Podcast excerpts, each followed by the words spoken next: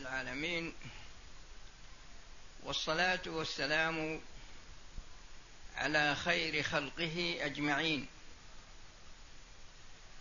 محمد وعلى إخوانه من الأنبياء والمرسلين وعلى آله وأصحابه والتابعين ومن تبعهم بإحسان إلى يوم الدين. أما بعد فإن موضع الكلام الذي سأتكلم عليه في مثل هذه الليلة من كل أسبوع في فترة العطلة.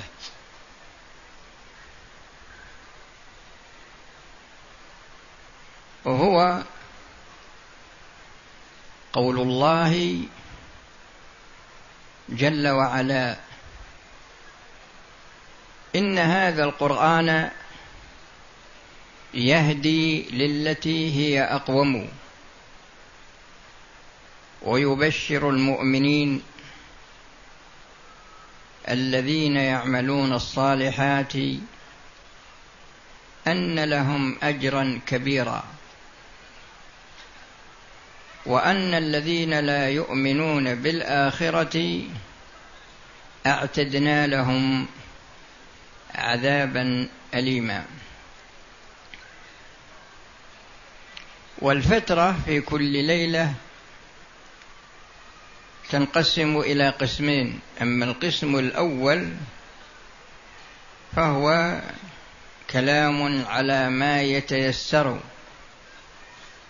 على هذا الموضوع. وأما الثانية فهي إجابة على ما يقدم من أسئلة.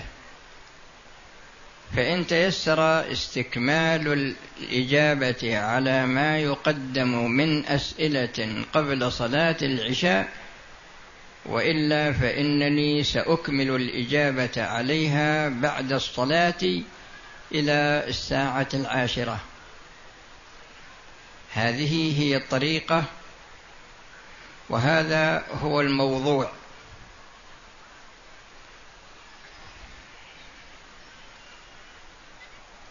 الله سبحانه وتعالى قال إن هذا القرآن يهدي للتي هي أقوم.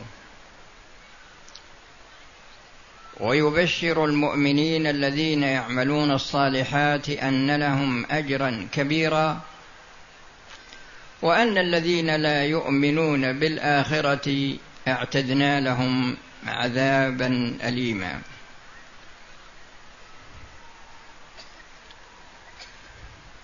هذه الآية وما بعدها فيها بيان أن القرآن مشتمل على هداية الخلق من الجن والإنس منذ أن أنزله الله إلى أن تقوم الساعة.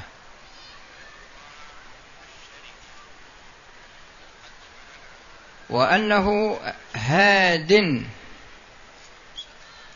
يعني أنه مشتمل لهداية الخلق فيما يتعلق بأمور دينهم وفيما يتعلق بأمور دنياهم.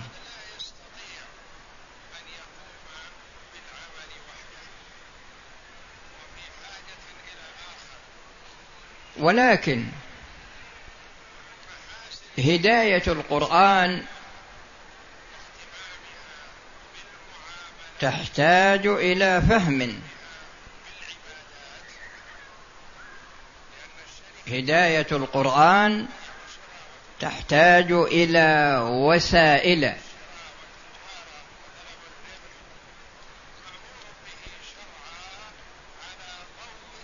من أجل الوقوف على هذه الهداية.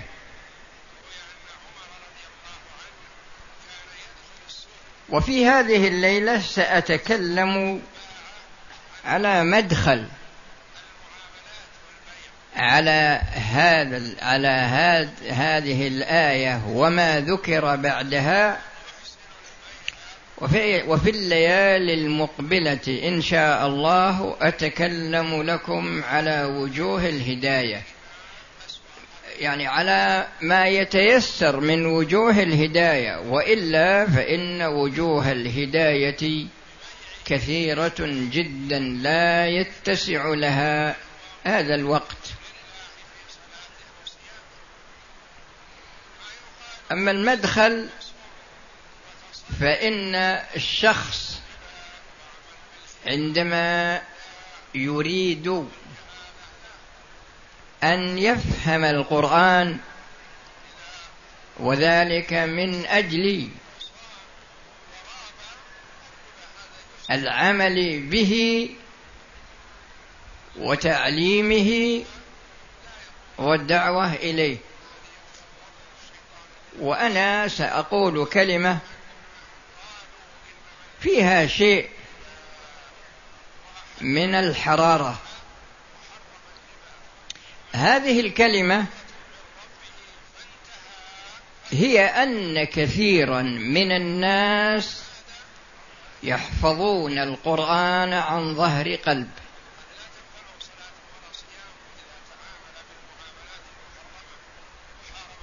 ولكن هذا القارئ إذا أوقفته عند آية من الآيات التي يحفظها وقلت له أريد منك أن تبين لي معنى هذه الآية. قال اسمح لي لا أدري.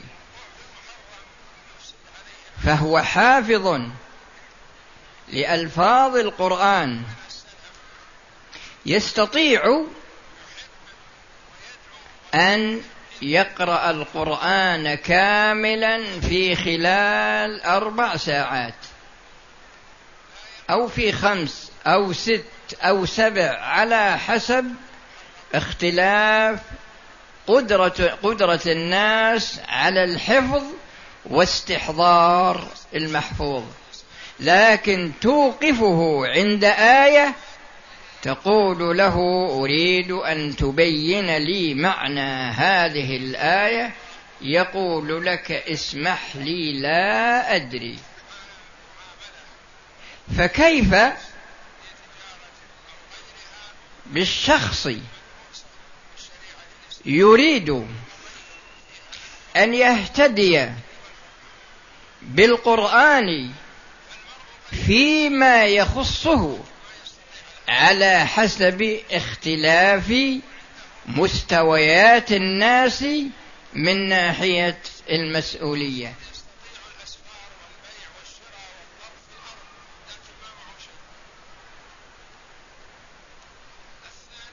القرآن على أربعة أقسام. قسم لا يعذر أحد بالجهل به. بمعنى أنه سهل. مثل ولا تقربوا الزنا ولا تقربوا مال اليتيم ولا تقتلوا النفس التي حرم الله إلا بالحق. هذا سهل.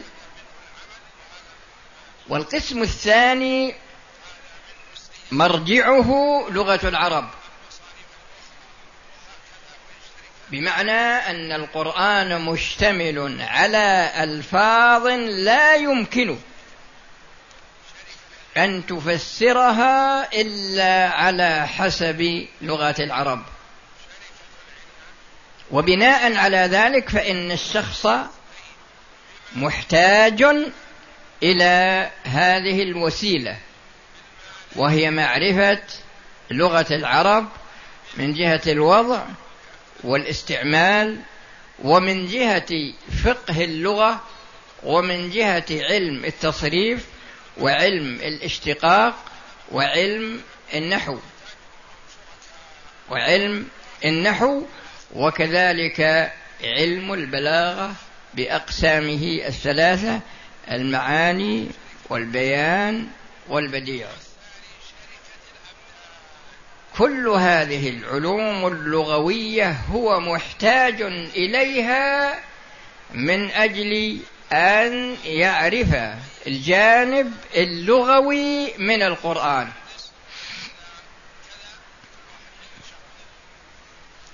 والقسم الثالث ما استأثر الله جل وعلا بعلمه. هذا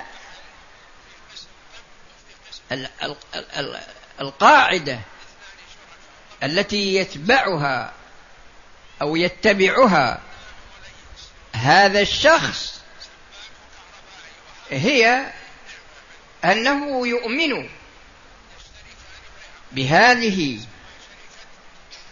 الأمور الغيبية كالعلم بذات الله وأسمائه وصفاته وما أخبر الله عنه من أمور الآخرة.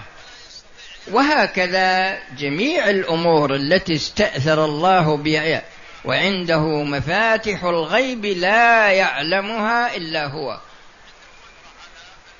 هذه الأمور يؤمن بها الإنسان كما قال الإمام الشافعي. يقول آمنت بالله وبما جاء عن الله على مراد الله وآمنت برسل الله وما جاء عن رسل الله على مراد رسل الله. فهذا القسم من القرآن عندما يمر عليه الإنسان يؤمن به. مطلوب منه الإيمان فقط. والقسم الرابع هذا ما يعرفه أهل العلم. ما يعرفه أهل العلم. هذا القسم الذي يعرفه أهل العلم محتاج فيه الشخص إلى أن يكون على علم من بيان القرآن بالقرآن. وعلى علم من بيان السنة بالسنة وعلى علم من بيان السنة للقرآن. لأن القرآن يفسر بعضه بعضا والسنة يفسر بعضها بعضا والسنة مفسرة للقرآن. لأن السنة هي الوحي الثاني فهي وحي في المعنى. أما القرآن فهو وحي في اللفظ والمعنى ولهذا يقول الله جل وعلا وما ينطق عن الهوى فهو معصوم. فيما يبلغه عن الله جل وعلا. ومحتاج الشخص أيضا إلى علوم السنة وذلك من أجل أن أن يتميز له ما هو مقبول من السنة وما هو مردود سواء كان من جهة المتن أو كان من جهة السند. لأن يأتي متون لكنها تكون موضوعة. تأتي متون منسوبة إلى السنة إلى الرسول لكنها موضوعة. فيحتاج الشخص إلى أن يكون على علم بأصول الحديث وذلك من أجل أن يتميز له ما يقبل وما يرد.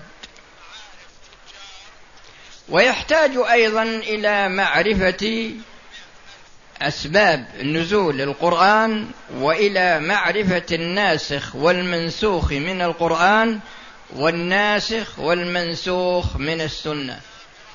ويحتاج أيضا إلى معرفة علوم القرآن قواعد التفسير. ومحتاج أيضا إلى معرفة أصول الفقه. هذه أمور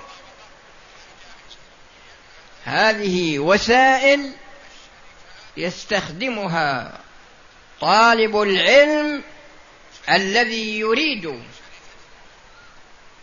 أن يفهم وجوه هداية القرآن. ويضيف إلى ذلك أيضا ما فهمه أصحاب رسول الله صلى الله عليه وسلم من كتابه من كتاب الله ومن سنة رسوله صلى الله عليه وسلم. بهذه الوسائل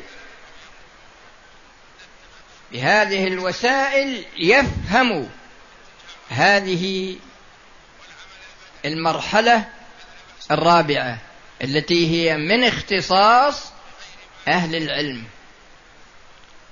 ولهذا تجد بعض الناس يقرأ القرآن ولكنه يخالفه كم من قارئ للقرآن والقرآن يلعنه. لأن هذا الشخص لم تستقر في في نفسه في لم يستقر في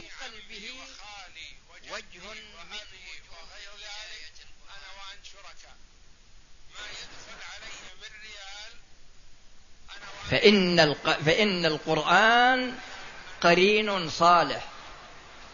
أهل القرآن هم أهل الله.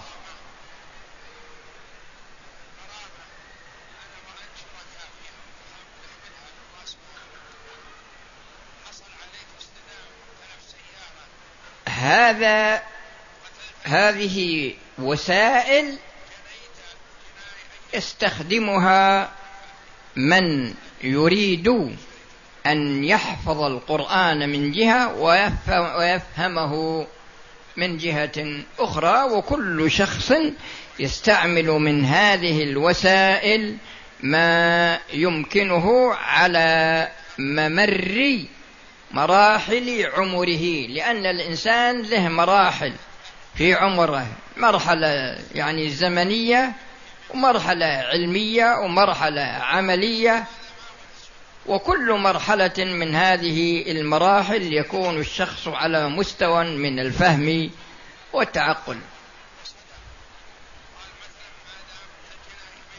هذا مدخل لا بد للشخص الذي يريد أن يفهم القرآن لا بد له أن يأخذ به. وفيه علوم أخرى أنا تركتها. يعني يحتاج إليها الشخص لكنها مثل علم رسم القرآن ومثل علم القراءات ومثل علم التأريخ ومثل علم سيرة الرسول صلى الله عليه وسلم.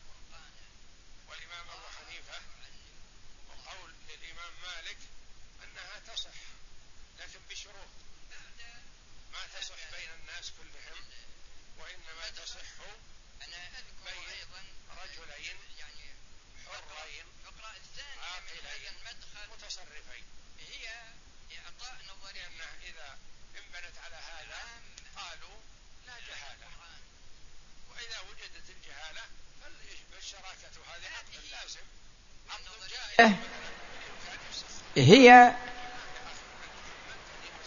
أن القرآن وكما ذكرت لكم قبل قليل لابد من ربط السنة بالقرآن لأنها مفسرة له.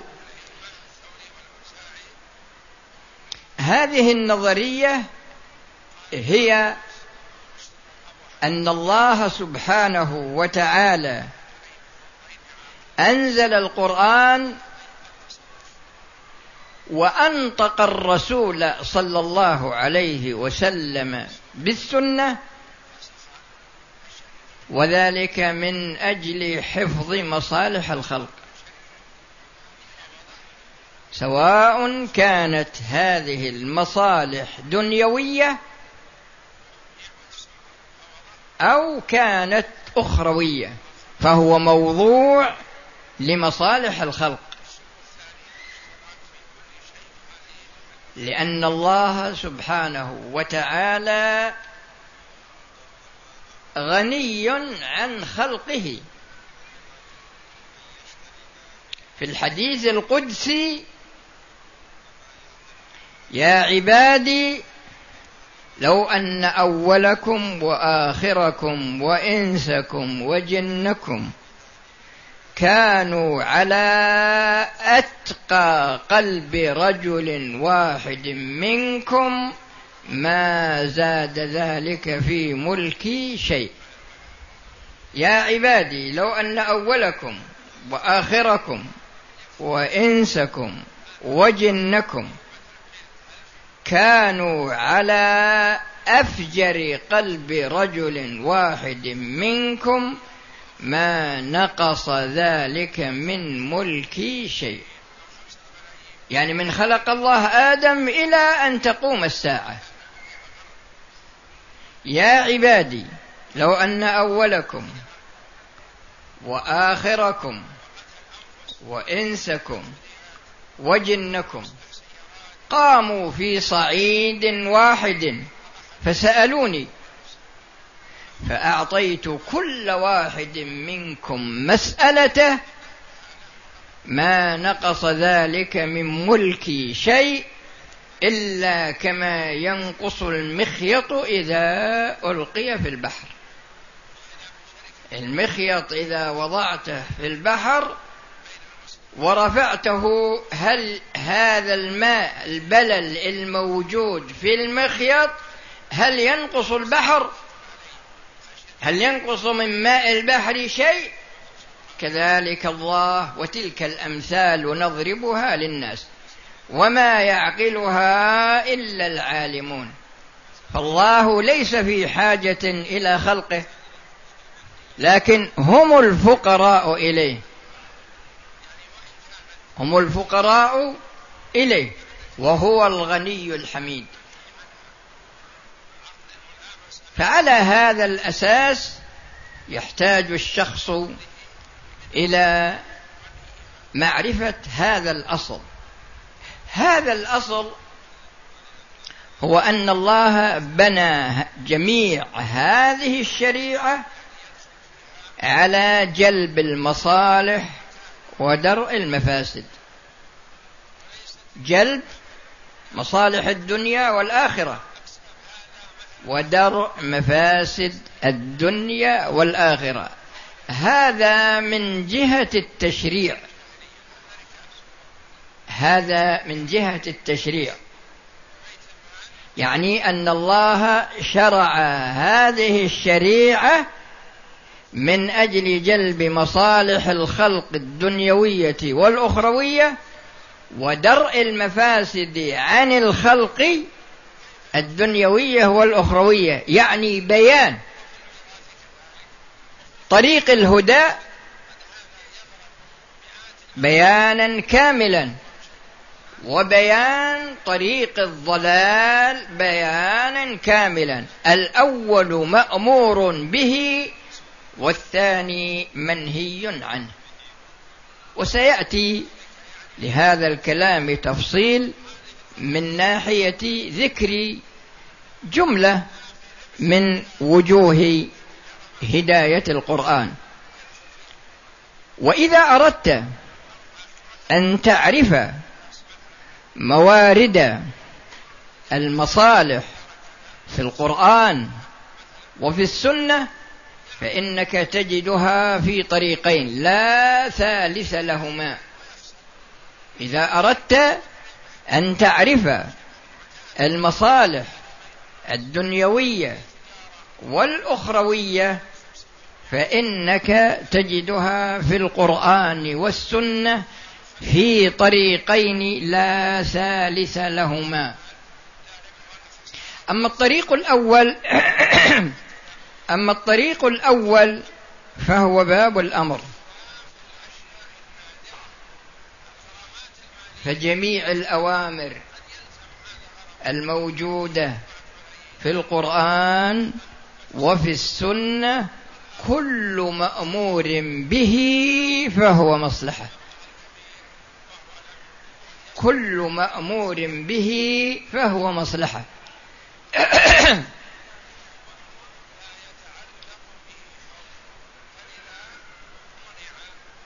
الثاني الثاني هو ترك الأمور المحرمة.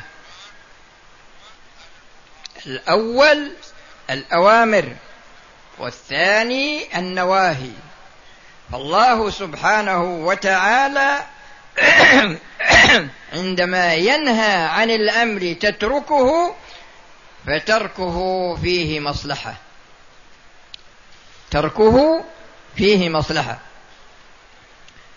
فهذان طريقان لا ثالث لهما لمعرفة مصالح الدنيا ومصالح الآخرة. باب الأوامر من جهة الفعل وباب النواهي من جهة الترك.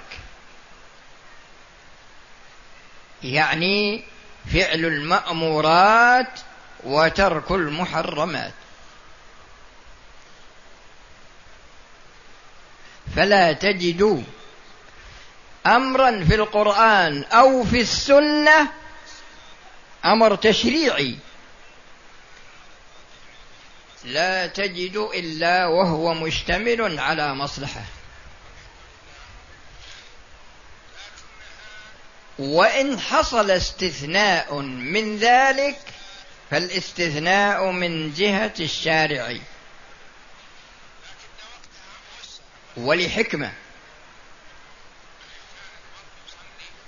فمثلا قول الله جل وعلا ولا تسبوا الذين يدعون من دون الله فيسبوا الله عدوا بغير علم.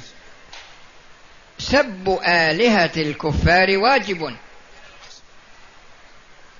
لكن لما كان إتيان هذا الواجب يترتب عليه كفر وهو أنهم يسبون الله جل وعلا. ولا تسبوا الذين يدعون من دون الله فيسبوا الله عدوا بغير علم. فلما كان فعل هذا الواجب يترتب عليه فعل كفر منع الناس من الإتيان بهذا الواجب. وهذا باب دقيق يحتاج إلى لكن ما هو بهذا محل. لكن الغرض غرضي أنا هو أنكم تأخذون باب الأمر كقاعدة عامة إلا ما استثناه الشارع. وباب النهي تأخذونه قاعدة عامة إلا ما استثناه الشارع. مثل إلحاق ولد الزنا بالأم وعدم إلحاقه بالأب. فإلحاقه بالأم هذا مستثنى من الأصل. لأن الأمر تترتب عليه المصالح والنهي وهو الزنا مثلا تترتب عليه المفاسد ولهذا ترتبت عليه عقوبات دنيوية وعقوبات أخروية. لكن عندما يحصل استثناء من باب الأمر أو يحصل استثناء من باب النهي فلا بد أن يكون له مستند شرعي. لا بد أن يكون له مستند شرعي. فتبين لنا من هذا أن المسلك الذي يسلكه طالب العلم لمعرفة المصلحة في القرآن يأخذها من باب فعل المأمور به ومن باب ترك المنهي عنه.